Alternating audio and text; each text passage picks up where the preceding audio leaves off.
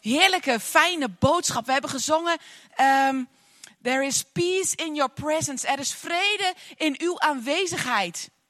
We hebben gezongen, Immanuel, God is met ons. En dat is een heerlijke boodschap, toch? Ja, nou, ik was van de week bezig met de voorbereidingen van de preek. En ik werd er gewoon zelf zo blij van. En ik weet niet of je het gezien hebt, maar ik heb deze preek dus een thema meegegeven. Willem vraagt altijd om een thema. Hij vraagt me ook altijd al om, om meer dan een week van tevoren het thema aan te geven. En zo werkt dat helemaal niet in mijn hoofd. Want ik, ik, ga er pas over nadenken uh, als, ik, als ik zeg maar onderweg ga door de week heen, op weg naar de zondag. En dan gaan er zoveel gedachten door mijn hoofd. Maar dan, dan zoek ik altijd gewoon een, een thema waar je alle kanten mee op kan. En dat werkt prima. en het thema voor deze preek is een blij ei. Ja, vind je dat niet leuk klinken? Een blij ei. Ik ben een blij ei. Dus misschien hadden jullie dat nog niet door, maar dan weet je dat nu. Ik ben een blij ei. En weet je, ik hoop eigenlijk dat jij dat van jezelf ook kunt zeggen. Wie zegt hier van nou, ik ben ook een blij ei? Ah, kijk. Een aantal durven dat wel te zeggen. Ja, heel goed, heel goed, heel goed. Ik hoop aan het einde van de preek dat jullie allemaal uh, het met me eens zijn. Dat je allemaal wel een blij ei wilt zijn. Want weet je, wij zijn namelijk niet zomaar een groep mensen. Als wij hier op zondag bij elkaar zitten, dan is dat niet gewoon omdat we elkaar leuk vinden. Of het is niet omdat we samen uh, van voetbal houden, weet je wel, zoals een voetbalvereniging. Nee, wij zijn de kerk van Jezus Christus.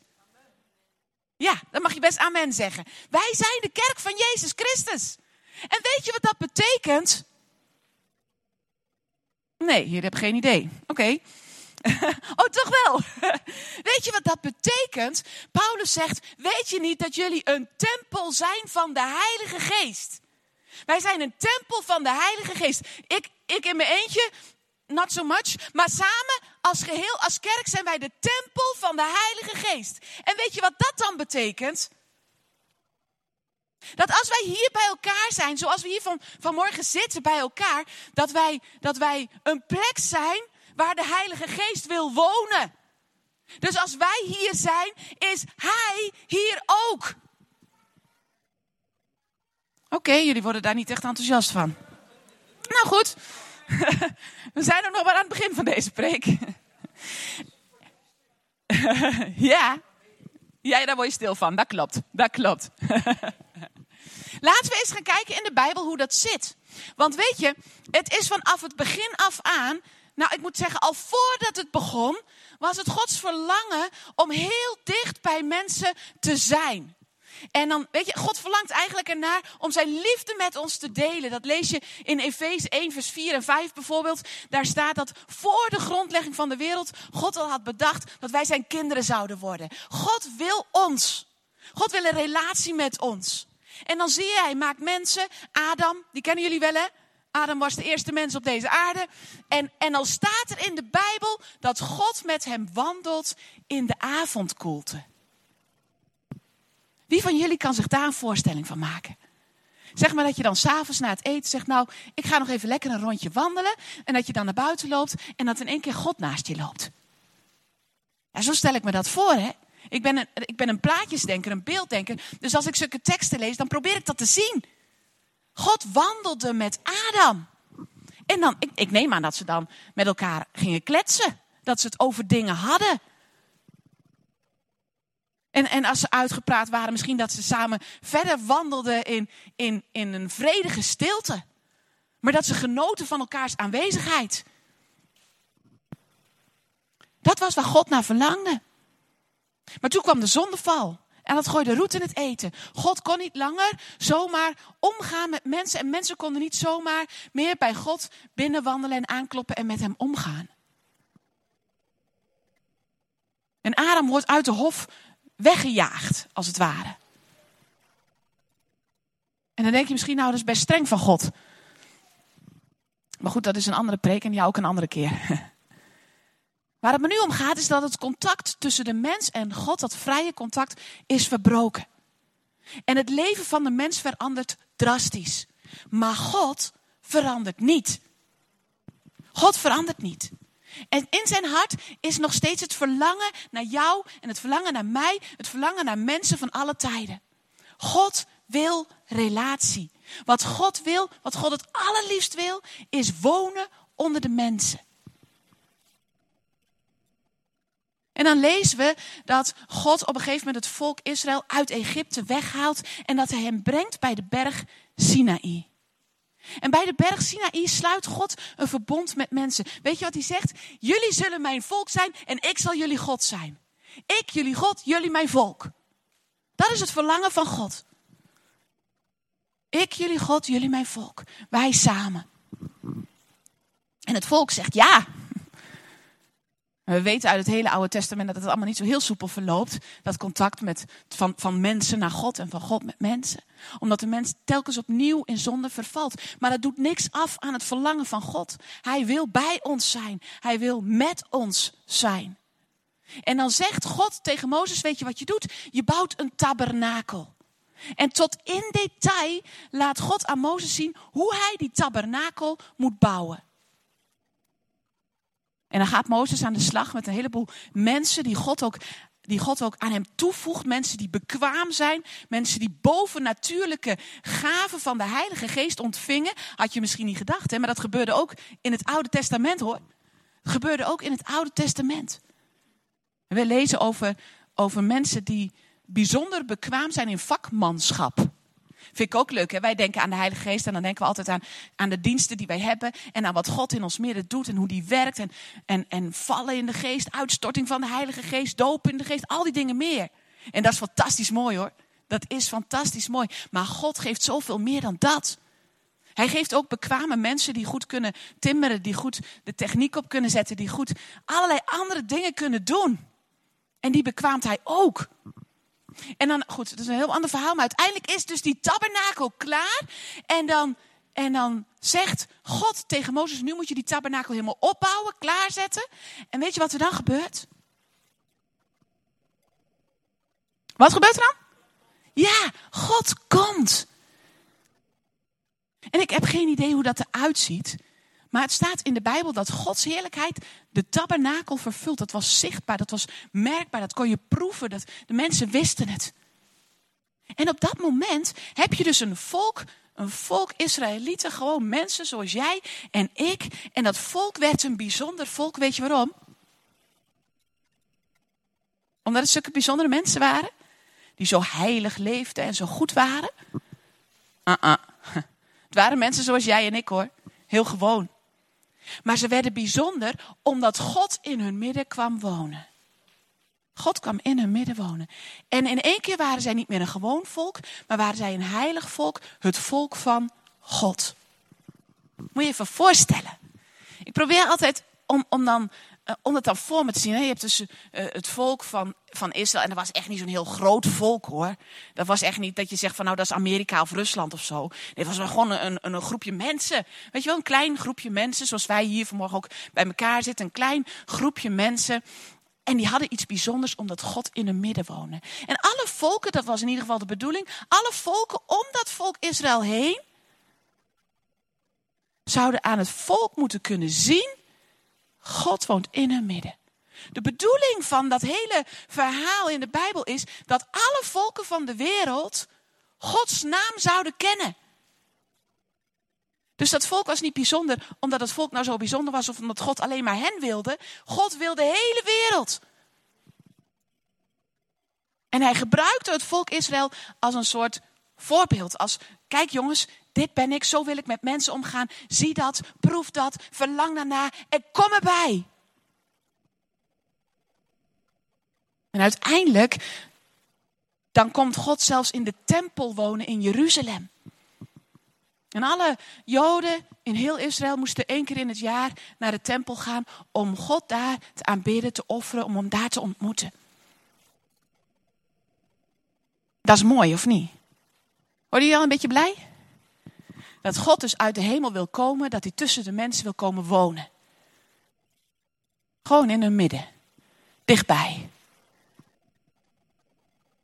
Maar goed, we weten ook dat het allemaal helemaal niet zo heel goed afloopt. En dat volk Israël, die blijft er toch maar moeite mee houden. En dan, en dan uiteindelijk loopt het helemaal scheef.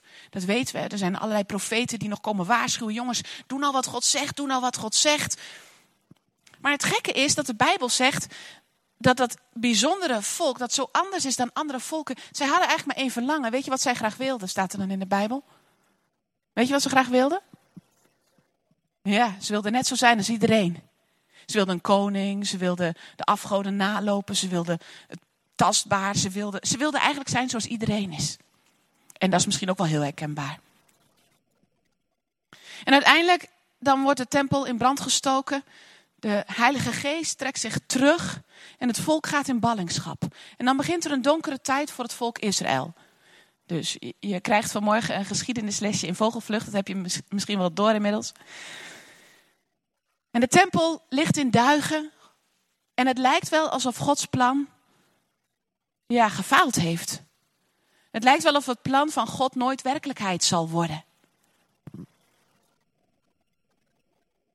En dan begint die, donkere tijd voor het volk Israël, waarin er geen profeten zijn, waarin er geen tempel meer is waar ze kunnen aanbidden. Ja, er wordt wel een nieuwe tempel gebouwd, maar die tempel wordt nooit vervuld met de heerlijkheid van God, zoals die eerste tempel.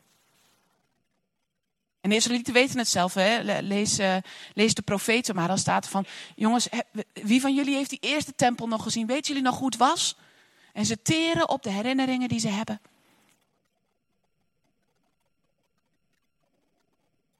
En toch is God nog steeds niet veranderd. En dat vind ik nou zo mooi aan God. Hè? Hij heeft een verlangen. En God wist al voor de grondlegging van de wereld, voordat hij aan dit hele verhaal begon, hoe het zou gaan. Dit is allemaal geen verrassing voor God. God wist het al. God wist al dat hij uiteindelijk zijn zoon Jezus Christus deze wereld binnen zou sturen. En dat doet God ook op een donkere nacht. We hebben net uh, kerst gevierd, het is een maand geleden. Ik ben alweer aan het aftellen voor de volgende kerst. Ik hou van kerst, maar ik hou nog veel meer van Pasen. Want weet je, op Pasen word je namelijk een blij ei. Op Pasen word je een blij paasei. En daar hebben we het vanmorgen over. We gaan onderweg van kerst naar Pasen. Jezus wordt geboren. En Jezus, moet je goed realiseren. Wij denken altijd, Jezus kwam deze wereld binnen, maar ja, Jezus is de zoon van God. Dus alles wat Jezus deed, ja, logisch dat Jezus dat kon. Wie denkt zo'n beetje? Niemand van jullie? Echt niet? Mijn vraag was, hè, nou, Jezus komt dus deze wereld binnen, maar Jezus is de zoon van God, toch? Daar zijn we het over eens. Jezus is de zoon van God. En de zoon van God kan natuurlijk alles, hè? Dus alles wat Jezus deed, de wonderen, de tekenen, alles wat hij sprak, was logisch dat hij dat kon, want hij is toch de zoon van God, hè? Zijn we het daarmee eens? Oké, we gaan even een polletje doen. De meningen zijn verdeeld. Wie is het daarmee eens? Ja, Oké, en wie is het er niet mee eens? Oké, dat is leuk, dat is leuk. Ja, want hoe zit het nou precies? God heeft zijn zoon Jezus Christus deze wereld binnengestuurd, maar er staat in de Bijbel dat hij mens is geworden. Ja, en een mens is een mens, hè? Een mens begint als een baby, Jezus ook. En die baby Jezus moest opgroeien als, als fysiek mens, maar ook als geestelijk mens. Ik ben ervan overtuigd dat Jezus in de schriften, in de Bijbel, ja, ze hadden toen nog niet echt een Bijbel, er waren toen boekrollen en zo, maar dat hij in de schriften, in alles wat geschreven en geprofeteerd was, moest ontdekken wat het plan van God was voor zijn leven, net als jij en ik. Dat is spannend, hè? En dan staat er een aantal keer, moet je Lucas maar eens lezen, dat, dat, dat het kind Jezus, dat hij opgroeide in, en dat hij toenam in gunst bij God, dat hij gesterkt werd door de geest en dat hij toenam in wijsheid. En hij begint te ontdekken dat God in de hemel zijn vader is. Nou kan ik me voorstellen dat Maria ook het bijzondere verhaal van hoe Jezus geboren is wel aan hem verteld zal hebben, denk je niet? Ik denk wel dat Maria tegen haar zoon gezegd heeft: Hé hey Jezus, jij bent een bijzonder mens. Met jou is iets bijzonders aan de hand. En dat ze hem dat verhaal verteld heeft. En Jezus is gaan ontdekken: ik ben de zoon van God en dit is het plan van God. Denk je niet? En dan komen we op dat mooie moment aan. En dat hebben jullie binnenkort ook, zo'n mooi moment. Dat we staan in het water van de Jordaan. Nou, hier vloeit geen Jordaan, maar je hebt wel water. En het principe is hetzelfde. Het was een hele gewone dag. Johannes de Doper, jullie kennen hem. Die man in, in, in die lange mantel, en die springhaan en die weet je wel. En die staat in de Jordaan te dopen en hij roept de mensen op om, om zich te bekeren. En dan in één keer komt Jezus. Jezus Christus. En Johannes wist wie Jezus was. En dan zegt Jezus, ik wil me laten dopen. En dat is heel goed om dat te zeggen. dus als je dat nog niet gedaan hebt, dan moedig ik je aan. Ga ervoor. En dan zegt Johannes tegen Jezus, maar waarom moet ik nou door u gedoopt worden? Kunt u niet beter mij dopen? En dan zegt Jezus, nee, nee, laat, laten we dit maar doen, want we moeten de gerechtigheid van God vervullen. En weet je wat gerechtigheid betekent? Weet je wat er in het woordenboek staat? In het woordenboek staat gerechtigheid is the state of him as he ought to be. De staat van iemand zoals hij hoort te zijn. Dat is wat er gebeurt als je daar dat watergraf ingaat. Je, je, je, je sterft met alles wat je niet hoort te zijn en je staat op zoals je bedoeld bent. Mooi hè? Ja? Mooi. Ja, dat is echt, dat is, als je dat nog niet meegemaakt hebt, dat is het feestelijkste moment in je hele leven. Dus als je nog niet gedoopt bent, ga ervoor. Um, maar Jezus komt dus, net als ons, op uit dat watergraf. En ik heb me zo vaak afgevraagd, waarom? Waarom liet Jezus zich nou dopen? Weet je, dan zegt hij, ja, we moeten dat doen, want we moeten de gerechtigheid van God vervullen. Nou, wie kan hier even zo uitleggen wat dat betekent? Ja, sommigen hebben zich erin verdiept, hartstikke goed. Dat zijn moeilijke dingen, toch? Dat zijn, zijn moeilijke zinnetjes en we lezen eroverheen en we denken, we snappen het niet, dus we denken, ja, het zal wel.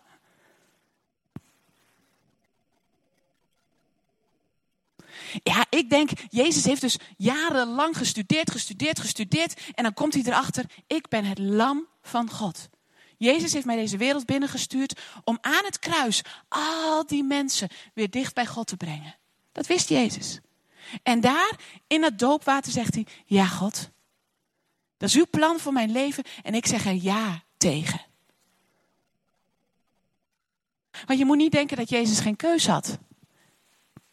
Dat had hij best wel. Ik vind dat een mooi, ik hou van Max Lucado, kennen jullie hem? Hij schrijft zulke mooie boekjes. Zo poëtisch, zo beeldend. En dan schrijft hij op een gegeven moment um, van, uh, ja, wat, wat, wat zou er gebeurd zijn als Jezus gewoon in zijn werkplaats was gebleven? Jezus was timmerman van beroep. Hij had een werkplaats, dan maakte hij mooie stoelen, tafels, kasten, bedden. En wat nou als Jezus daar gewoon gebleven was, vraagt Max Lucado dan in zijn boekje. Wat zou er dan van ons geworden zijn? Zouden we het überhaupt, dan zouden we hem nooit gekend hebben. We zouden het niet geweten hebben. Toch? Ja. Maar Jezus besluit om de deur van zijn werkplaats dicht te doen en ja te zeggen tegen het plan van God voor zijn leven. En dat is onze redding. Dat is onze redding. Dus Jezus staat daar in het water van de Jordaan. En daar zegt hij al, ja, vader, het is goed. Ik zal uw gerechtigheid vervullen. Ik zal sterven. Ik zal de zonde van de wereld op me nemen. Zodat al die mensen op kunnen staan in een nieuw leven. Nou, en daar wil ik graag naartoe met mijn preek vandaag. Dus dit was allemaal inleiding en nu zijn we er. Wij mogen dus door wat Jezus voor ons gedaan heeft, opstaan in dat nieuwe leven. En wat betekent dat nou, dat nieuwe leven? Nou, dat zien we ook daar in de Jordaan. Want wat is het eerste wat er gebeurt op het moment dat Jezus is opgestaan uit dat watergraf? Wat gebeurt er dan als allereerst? Ja, de hemel gaat open en wat gebeurt er dan? Dan wordt hij bekracht, bekrachtigd door de Heilige Geest. De Heilige Geest komt over hem. Ja, precies. Dat is de duif. En weet je, dat is mooi in Johannes 2, vers 18. Daar lezen we dat Jezus zichzelf dus ziet als een tempel. Weet je wat hij daar zegt? Tegen al die fariseeën. Dan zegt hij, zien jullie deze tempel? Die zal ik afbreken en in drie, in drie dagen wordt hij weer opgebouwd. Zal ik hem weer opbouwen. Zie je dat? Jezus denkt dus ook over zichzelf als een tempel. Dus we hebben gehad de Hof van Eden, we hebben gehad de tabernakel, toen kwam de tempel, toen werd het een hele tijd stil en nu hebben we Jezus. En Jezus is een tempel van de Heilige Geest. De Bijbel leert ons dat de Heilige Geest, de volheid van God, in hem woonde. En vind je dat niet te gek van God? Daar waar hij eerst in Jeruzalem een tempel had staan, waar alle mensen één keer per jaar, in ieder geval alle Joden één keer per jaar naartoe moesten om God te ontmoeten. Daar komt de, de Heilige Geest God zelf nu in de tempel Jezus naar de mensen toe. Hij zocht hen op in de straten van het beloofde land. Hij zocht hen op in hun huizen. Hij ging, hij ging naar de zieken toe en hij zei, hier ben ik. Mooi is dat, hè? De tempel, God zelf, die in die tempel woont. En God zelf komt naar de mensen toe. Nog steeds verlangt het hart van God ernaar om dichterbij dan dichtbij te komen. En uiteindelijk dan sterft Jezus aan het kruis. Wat in de doop al voorzegd was, gebeurt aan het kruis. En dan door de kracht van de Heilige Geest staat Jezus op uit het graf. Pasen. Pasen, op Pasen word je een blij ei. Dat kan niet anders. Dan staat Jezus op uit dat graf. Door de kracht van de Heilige Geest. En dan begint het avontuur pas goed. Want uiteindelijk, dat weten jullie, Pinksteren. Houden jullie ook van Pinksteren? Ja? Daar zetten we geen kerstbomen voor neer en zo. Maar Pinksteren, dat is eigenlijk waar het om gaat. Dat is waarom Jezus gekomen is. Moet je maar eens, uh, luisteren wat, wat, er in de Bijbel staat. En dan staat er, Johannes de doper is gekomen om te dopen met water. Dat zegt Johannes, de doper van zichzelf. Ik ben gekomen om jullie te dopen. Maar degene die na mij komt, en dan heeft hij het over Jezus, die is gekomen om, weet je dit? Ja, nee, te dopen met de Heilige Geest en met vuur. Dus zoals Jezus de weg, Johannes de wegbereider was voor Jezus, zo was Jezus de wegbereider voor de Heilige Geest. En waarom is het nou zo belangrijk dat er een weg gebaand wordt voor de Heilige Geest? Omdat God nog steeds dicht bij ons wil zijn. En door de Heilige Geest wordt dat mogelijk gemaakt. Dus als jij Jezus volgt, dat watergraf in, dat watergraf weer uit, dan mag je verwachten dat God, zijn Heilige Geest, in jou komt wonen. Dat is wat we zien op de eerste Pinksterdag. Dat is waar het Jezus om ging. Dat jij en ik gevuld zouden worden met de Heilige Geest. Immanuel, God met ons. Jezus zegt dan, hè, ook in Johannes staat dat volgens mij, Johannes 14, dan zegt hij, de Vader en ik, wij komen bij jou wonen. We nemen onze intrek bij jou. En dan moet je dus eens even links en rechts van je kijken. Doe maar even. Daar zitten mensen namelijk, ja, precies. Jullie, gegeven aan elkaar. Ja? En jullie allemaal stuk voor stuk zijn dus een tempel van die Heilige Geest. En samen want wij ontvangen allemaal een deel van de Heilige Geest. Samen laten we God zien aan deze wereld. En dat plan wat God had met het volk Israël, dat wordt nu werkelijkheid door ons, door de kerk van Jezus Christus. En daar word je toch een blij ei van, of niet? Wie zegt nou van zichzelf, ik ben een blij ei? Ah, Oké, ik preek nog even door. ja, wat word je daar blij van? En weet je waarom ik daar zo blij van word? Er staan een aantal dingen geschreven over de Heilige Geest. En dat is een beetje ingewikkeld, dus nu moet je even goed opletten. Er staat onder andere van de Heilige Geest geschreven. Paulus zegt dat. Hij zegt: Jullie ontvangen de Heilige Geest als een onderpand. Dat is een beetje een ouderwets woord, maar het is eigenlijk dat je een garantie krijgt, de zekerheid krijgt. Als je de Heilige Geest in je hebt, dan heb je de zekerheid dat je bij dat koninkrijk van God hoort. Want Jezus was gekomen om het koninkrijk van God te brengen. Zien jullie het voor je? En dan staat er in Colossense ook nog dat Paulus zegt: Jullie zijn overgeplaatst uit de duisternis. Daar ben je uitgetrokken en je bent in het koninkrijk van de zoon van de liefde geplant. En hij, zegt, hij, hij schrijft dat eigenlijk zo alsof dat dus al gebeurd is. Hè? Dus wij zijn al uit de duisternis getrokken en wij staan al in dat koninkrijk van de zoon van de liefde. Je hoeft er niet meer aan te twijfelen of dat ooit nog gaat gebeuren. Je hoeft niet de rest van je leven keihard te werken om dat te verdienen. Kan je toch niet? Dat lukt niet. Je hoort er gewoon al bij. Zeg maar even tegen je links en rechts. Hé, hey, jij hoort erbij. Ja, je hoort erbij. Je hoort erbij. Je hoort erbij. Daar word je toch blij van? Daar word je toch blij van? Want ik wil niet veel zeggen, maar die duisternis waar wij uitgetrokken zijn, dat is de duisternis die wij overal om ons heen zien. Dat is de duisternis van ziekte, van een pandemie. Dat is de duisternis van, van het hele MeToo-verhaal. Nu weer met de Voice of Holland. Verschrikkelijk. alles wat daar naar boven komt. De wereld om ons heen is duister. En als je daarnaar kijkt, kan je bijna moedeloos worden. Dan denk je, waar gaat het heen met deze wereld? Toch? Ja, waar zijn we in beland met z'n allen? Duisternis. Maar wij maken geen deel meer uit van die duisternis. Wij maken deel uit van het koninkrijk, van de zoon, van de liefde. En wij zijn daar ook al. En nou weet ik wel, we zien het nog niet overal om ons heen. Dat is de tijd waarin we leven. Dat, God, dat Jezus zegt, het koninkrijk van God is gekomen, bekeer je. En dat we zien, ja maar wacht even, er is ook nog een heleboel duisternis. Maar er komt een dag en dan komt Jezus terug uit de hemel. En dan dat koninkrijk waar wij nu eigenlijk al in mogen zijn, zal voor iedereen zichtbaar worden. En er is geen ruimte meer voor de duisternis. Dat is de dag dat Jezus alles zal vervullen. Dat alles onder hem, onder het hoofd Christus, samengebracht wordt. En dat is een heerlijke dag waar we naar uit mogen zien. En weet je wat het is? Die eerste christenen, die net, die net Jezus hadden ontdekt, die, die 3000, die werden toegevoegd op de eerste Pinksterdag. En al die anderen die er daarna bij kwamen. Voor die mensen was dit een realiteit, weet je dat?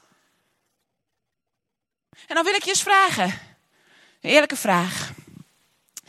Wanneer ben jij voor het laatst morgens je bed uitgestapt met het idee, dit is misschien wel de dag dat Jezus terugkomt? Wie van jullie denkt daar wel eens over na? Oh, dat is hier nog wel aardig. Dat je je benen over het bed slaat en dat je denkt, ha, misschien gaat het vandaag wel gebeuren. Toen je in gebed was.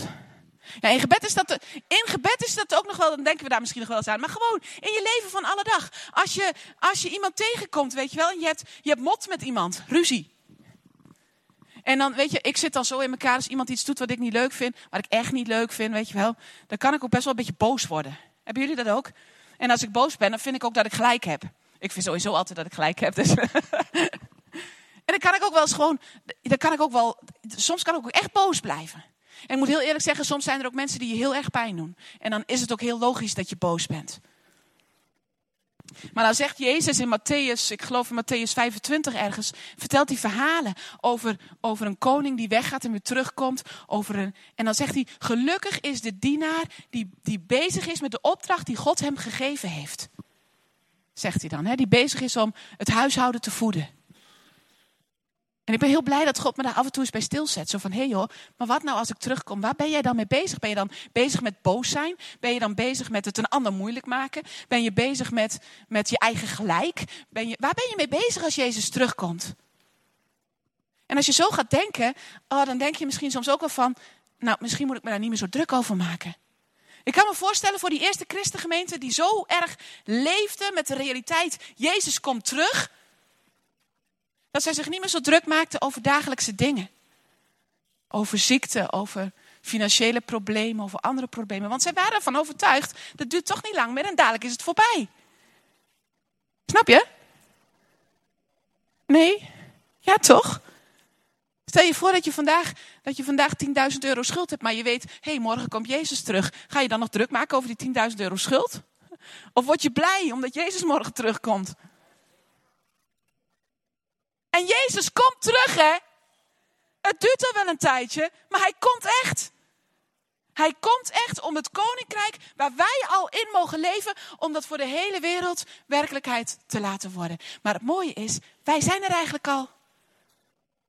Wij zijn net als het volk Israël bedoeld, bedoeld om aan de hele wereld te laten zien wie God is. En dan staat er ook nog in de Bijbel dat de Heilige Geest ons daarbij helpt. Wij zeggen iets, maar wij kunnen geen mensen overtuigen. Maar de Heilige Geest in ons kan dat wel. En hij doet dat door woorden, hij doet dat door wonderen, hij doet dat door tekenen. De Heilige Geest in ons wil ook door ons heen werken om aan de wereld zichtbaar te maken dat Jezus leeft. Amen? Amen. Oké, maar als je dan heel hard amen roept, dan moet dat dus ook wel in je leven merkbaar zijn, vind je niet?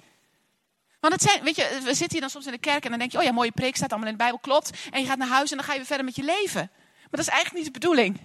Dus als je zo hier zit vanmorgen, dan gaat het niet helemaal goed. Want alles wat er in de Bijbel staat, is dus echt, hè? Het is echt voor ons. En dat betekent dat wij van God mogen verwachten. Er staat in Hebreeën dat wij de tekenen van de toekomende tijd, dus dat koninkrijk wat er al wel is en toch nog niet is, daar mogen wij van proeven. Proeven.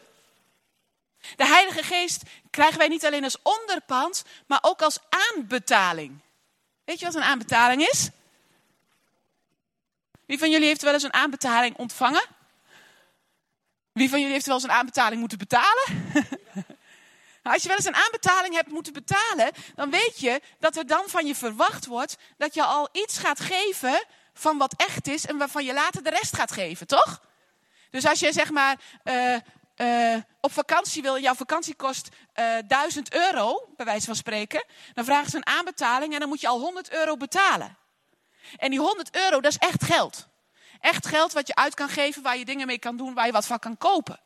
Het is de real deal. En als wij dus de Heilige Geest ontvangen als onderpand en als aanbetaling, als aanbetaling, dan betekent dat dat wij al een stukje van het echte krijgen, hier en nu. Snap je dat?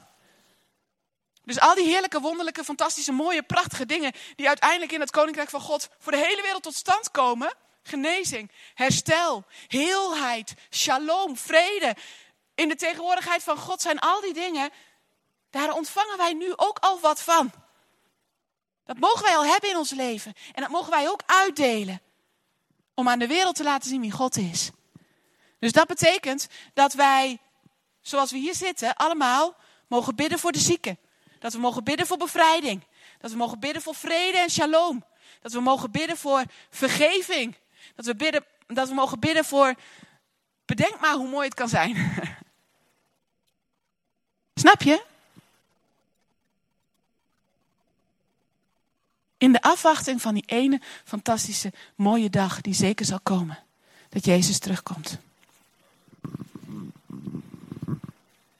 Wij zijn een tempel van de Heilige Geest. De echte, enige Heilige Geest die er bestaat. God met ons. Hij woont in ons. En hij wil eerst in, in jouw leven, in mijn leven, wil die heelheid, wil die herstel brengen. Dat wat mensen jou ook aandoen. Dat wat er ook in je leven gebeurt of speelt. Dat je van binnen de vrede van God voelt. Dat is misschien wel het aller, allermooiste wonder wat er is. En als je die tegenwoordigheid van God in je leven leert kennen, word je uiteindelijk net als Mozes. Toen Mozes geroepen werd, zei hij tegen God: hm, Wie ben ik nou? Moet u mij wel hebben? Zal ik naar de farao gaan? Nou, vijf keer maakt hij bezwaar. Wie bent u eigenlijk? Wie ben ik? Nou, al die vragen meer. Vragen die wij ook kennen. En dan uiteindelijk na het gouden kalf, als God boos is op het volk, dan zegt God: Nou, weet je wat? Uh, jullie krijgen mijn zegen mee. Aan uw paraplu gaan jullie maar. En dan zegt Mozes: Nee, heer. Nee. Zonder u ga ik niet. Onderweg was er wat gebeurd met Mozes. Hij had God leren kennen. En wij mogen God ook leren kennen. En dan hoop ik dat je zegt: Nee, hè, ik blijf hier vanmorgen op mijn stoel zitten. Totdat u gekomen bent en met mij meegaat naar huis. We gaan er een eind aan breien. Of we gaan eraan beginnen. Dat is net hoe je het bekijkt. Want ik wil je vanmorgen echt niet naar huis laten gaan als je die aanwezigheid van God in je leven niet kent. En ik weet niet of er een gebedsteam is, ik denk het wel. En dan wil ik je uitnodigen, als je de Heilige Geest nog niet als een realiteit in je leven ontvangen hebt. Als je nog nooit iets van hem gemerkt hebt. Als je nog nooit iets van hem geproefd hebt. Als je niet eens zeker weet of hij in je woont. Dan wil ik je uitnodigen om naar voren te komen. Dan gaan we daarvoor bidden. Want weet je, het is nog steeds Gods verlangen om dichterbij dan dichtbij te komen. Hij wil dichterbij dan dichtbij komen bij jou, namelijk hij wil in jou komen wonen. En hij wil in jouw leven heelheid, herstel, shalom brengen. En door jou heen dat ook naar anderen. Dus als je denkt, nou ik heb de Heilige Geest wel ontvangen, maar ik ga echt niet bidden voor de zieken, want dat is voor mij niet weggelegd. Kom dan naar voren. Ontvang de kracht van de Heilige Geest. Om net als Jezus uit te gaan, het koninkrijk te verkondigen. Om aan gevangenen bevrijding te verkondigen. Aan zieke genezing. Verlang je daarnaar? Mag ik dat eens vragen? Wie zegt nou, ik verlang ernaar dat de Heilige Geest op die manier door mij heen werkt? En niet af en toe, maar gewoon iedere dag. En niet dat je iedere dag onder hoogspanning staat, maar dat je iedere dag opstaat met het bewustzijn: vandaag kan Jezus wel eens terugkomen en ik wil bezig zijn met de dingen die Hij me te doen heeft gegeven. Ik hoop dat je daarna verlangt. Dus ik wil eigenlijk de aanbidding vragen. Ik weet niet wie jullie zijn. Dat we samen een lied gaan zingen voor de Heer. Dat we God gaan aanbidden. En als je dat verlangen hebt. Als je graag wil dat, dat God in jou komt wonen. Of dat de kracht van God door jou heen gaat stromen. Kom dan naar voren. Dan gaan we ook samen bidden.